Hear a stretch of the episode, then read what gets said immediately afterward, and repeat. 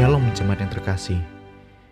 Pada hari ini saya Guru Injil Stephen akan menyampaikan renungan seorang murid kepada jemaat yang terkasih. Mari kita berdoa, kita menyiapkan setiap hati dan pikiran kita. Bapa dalam surga kami bersyukur Tuhan untuk hari yang indah yang Tuhan beri pada setiap kami. Untuk kasih setia Tuhan yang selalu nyata bagi setiap kami. Sehingga pada hari ini Tuhan kami boleh kembali lagi belajar mendengarkan kebenaran firman Tuhan. Kiranya setiap firman Tuhan yang kami dengar, yang kami baca, yang kami renungkan, boleh kami lakukan di dalam setiap kehidupan kami pribadi lepas pribadi. Pimpin setiap kami ya Tuhan. Di dalam nama Yesus Kristus kami berdoa dan bersyukur. Haleluya. Amin. Jemaat yang terkasih, pembacaan kita pada hari ini terambil dari bahan gema. Kita sampai di dalam Ibrani pasal 9 saya akan bacakan beberapa bagian, beberapa ayat untuk jemaat yang terkasih. Demikianlah firman Tuhan, ayat yang pertama. Memang perjanjian yang pertama juga mempunyai peraturan-peraturan untuk ibadah dan untuk tempat kudus buatan tangan manusia. Ayat 6. Demikianlah caranya tempat yang kudus itu diatur. Maka imam-imam senantiasa masuk ke dalam kemah yang paling depan untuk melakukan ibadah mereka ayat 7, tetapi ke dalam kemah yang kedua hanya imam besar saja yang masuk sekali setahun dan harus dengan darah yang ia persembahkan karena dirinya sendiri dan karena pelanggaran-pelanggaran yang dibuatnya oleh umatnya dengan tidak sadar. Ayat 11. Tetapi Kristus telah datang sebagai imam besar untuk hal-hal yang baik yang akan datang. Ia telah melintasi kemah yang lebih besar dan yang lebih sempurna, yang bukan dibuat oleh tangan manusia. Artinya, yang tidak termasuk ciptaan ini, ayat 12. Dan ia telah masuk satu kali untuk selama-lamanya ke dalam tempat yang kudus, bukan dengan membawa darah domba jantan dan darah anak lembu, tetapi dengan darahnya sendiri, dan dengan itu ia telah mendapat kelepasan yang kekal. Ayat 15. Karena itu, ia adalah pengantara dari suatu perjanjian yang baru supaya mereka yang telah terpanggil dapat menerima bagian kekal yang dijanjikan. Sebab ia telah mati untuk menebus pelanggaran-pelanggaran yang telah dilakukan selama perjanjian yang pertama. Ayat 25. Dan ia bukan masuk untuk berulang-ulang mempersembahkan dirinya sendiri, sebagaimana imam besar setiap tahun masuk ke dalam tempat kudus dengan darah yang bukan darahnya sendiri. Yang terakhir, 28. Demikian pula Kristus hanya satu kali saja mengorbankan dirinya untuk menanggung dosa banyak orang. Sesudah itu, ia akan menyatakan dirinya sekali lagi tanpa menanggung dosa untuk menganugerahkan keselamatan kepada mereka yang menantikan Dia. Sampai demikian pembacaan nats kita pada hari ini. Jemaat yang terkasih, penulis Ibrani di sini menjelaskan suatu tesis atau pernyataan yang begitu kuat, yaitu Kristus sebagai imam besar yang sejati, yang sesungguhnya, yang datang sekali mengorbankan dirinya untuk menanggung dosa banyak orang. Jemaat yang terkasih, dahulu umat Allah di masa perjanjian lama harus mempersembahkan korban berupa binatang sebagai korban penebus kesalahan.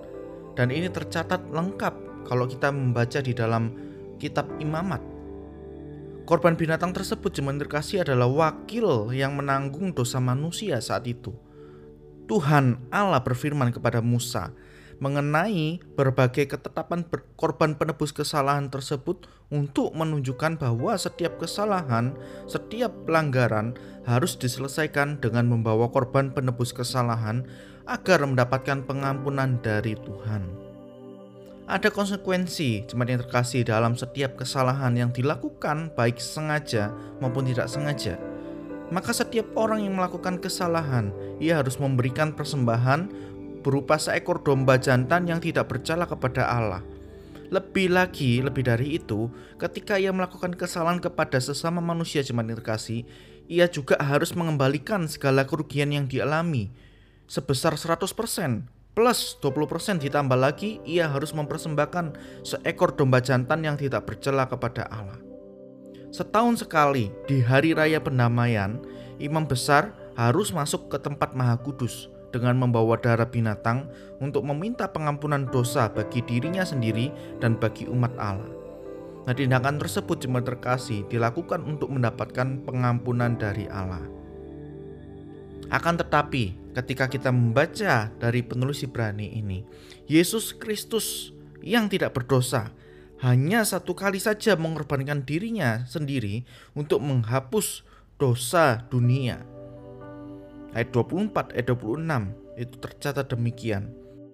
Jadi perjanjian yang baru itu dimateraikan atau disahkan oleh darah anak domba Allah yang tidak bercacat.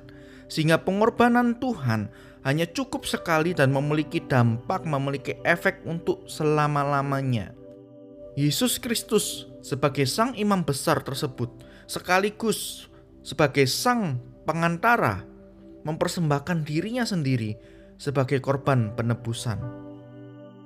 Jemaat yang terkasih menulis surat Ibrani memperjelas simbol imam besar di dalam perjanjian lama yang merupakan hanya bayang-bayang saja yang digenapi akhirnya secara sempurna oleh Yesus Kristus. Hanya melalui Yesus Kristuslah manusia bisa datang kepada Allah. Manusia bisa datang kepada Allah untuk hidup dan kudus di hadapannya. Saat kita percaya kepada Kristus jemaat yang terkasih, yang menjadi pengantara kita kepada Allah dalam perjanjian yang baru. Iman kepada Tuhan, iman kepada Allah yang membuat kita memperoleh pengampunan dosa, bukan hanya menyangkut dosa-dosa yang masa lampau, tetapi juga dosa-dosa yang di masa akan datang. Apa yang akan kita dapat refleksikan? Apa yang dapat kita renungkan pada hari ini jemaat yang terkasih. Ayat 15 mengatakan, karena itu Yesus Kristus adalah pengantara dari suatu perjanjian yang baru, supaya mereka yang telah terpanggil dapat menerima bagian yang kekal. Ya, Yesus adalah pengantara kita, jemaat yang terkasih. Sudahkah kita bersyukur atasnya? Adakah kita benar-benar datang beribadah dengan sungguh-sungguh menyembah Tuhan kita? Adakah kita datang kepada pengantara kita, Tuhan Yesus Kristus, untuk mengakui segala pelanggaran dan dosa kita di hadapannya? Jemaat yang terkasih selama masa pandemi ini, kita menjadi beribadah di rumah. Sebagai orang Kristen, kita disadarkan bahwa kita sering kurang menghargai kesempatan untuk beribadah, untuk datang menyembah kepada Tuhan. Akan tetapi yang seharusnya membuat kita menghargai kesempatan datang kepada Allah adalah karena kita sudah ditebus oleh darahnya yang begitu mahal, yang begitu berharga. Kristuslah yang menjadi alasan bagi kita jemaat yang terkasih untuk datang dan beribadah. Setiap kali kita berdoa, setiap kali kita beribadah, dan setiap kali kita menjalani hidup sebagai umat Allah. Ingatlah jemaat yang terkasih bahwa semuanya itu dimungkinkan karena pengorbanan darah Kristus, sang imam besar, sang pengantara tersebut yang mengorbankan dirinya sendiri bagi kita. Jemaat yang terkasih mungkin tidak perlu ada pandemi. Mari kita flashback sejenak. Kita mundur sejenak. Kita renungkan hal ini.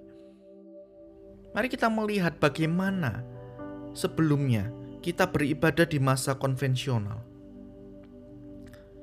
Bagaimana kita menyembah Tuhan saat itu di kala sebelum masa pandemi? Apakah kita datang beribadah sebagai rutinitas kita? Apakah kita datang beribadah hanya untuk sekadar numpang absen agar untuk dicap rohani dan lain sebagainya? Ataukah kita datang karena memang kita rindu untuk datang di hadapan Tuhan untuk menyembah Sang Pengantara kita? untuk bersyukur atas keselamatan, atas anugerah, atas pengorbanan yang sudah Tuhan berikan bagi kita. Mari kita renungkan hal tersebut jemaat terkasih pada hari ini. Mari kita tidak menyia-nyiakan seluruh seluruh pengorbanan Kristus atas hidup kita. Biarlah karya Kristus selalu nyata tercermin di dalam kehidupan kita. Amin. Mari kita berdoa. Bapa dalam surga, kami bersyukur Tuhan untuk kebenaran firman Tuhan yang sudah kami dengar pada hari ini. Biarlah kami boleh merenungkannya dan melakukannya di dalam setiap kehidupan kami pribadi lepas pribadi. Sehingga setiap kami Tuhan boleh semakin bertumbuh di dalam kebenaran firman Tuhan. Kami bersyukur hanya di dalam nama Yesus Kristus kami berdoa. Haleluya. Amin. Tuhan Yesus memberkati kita semua. Selamat beraktivitas.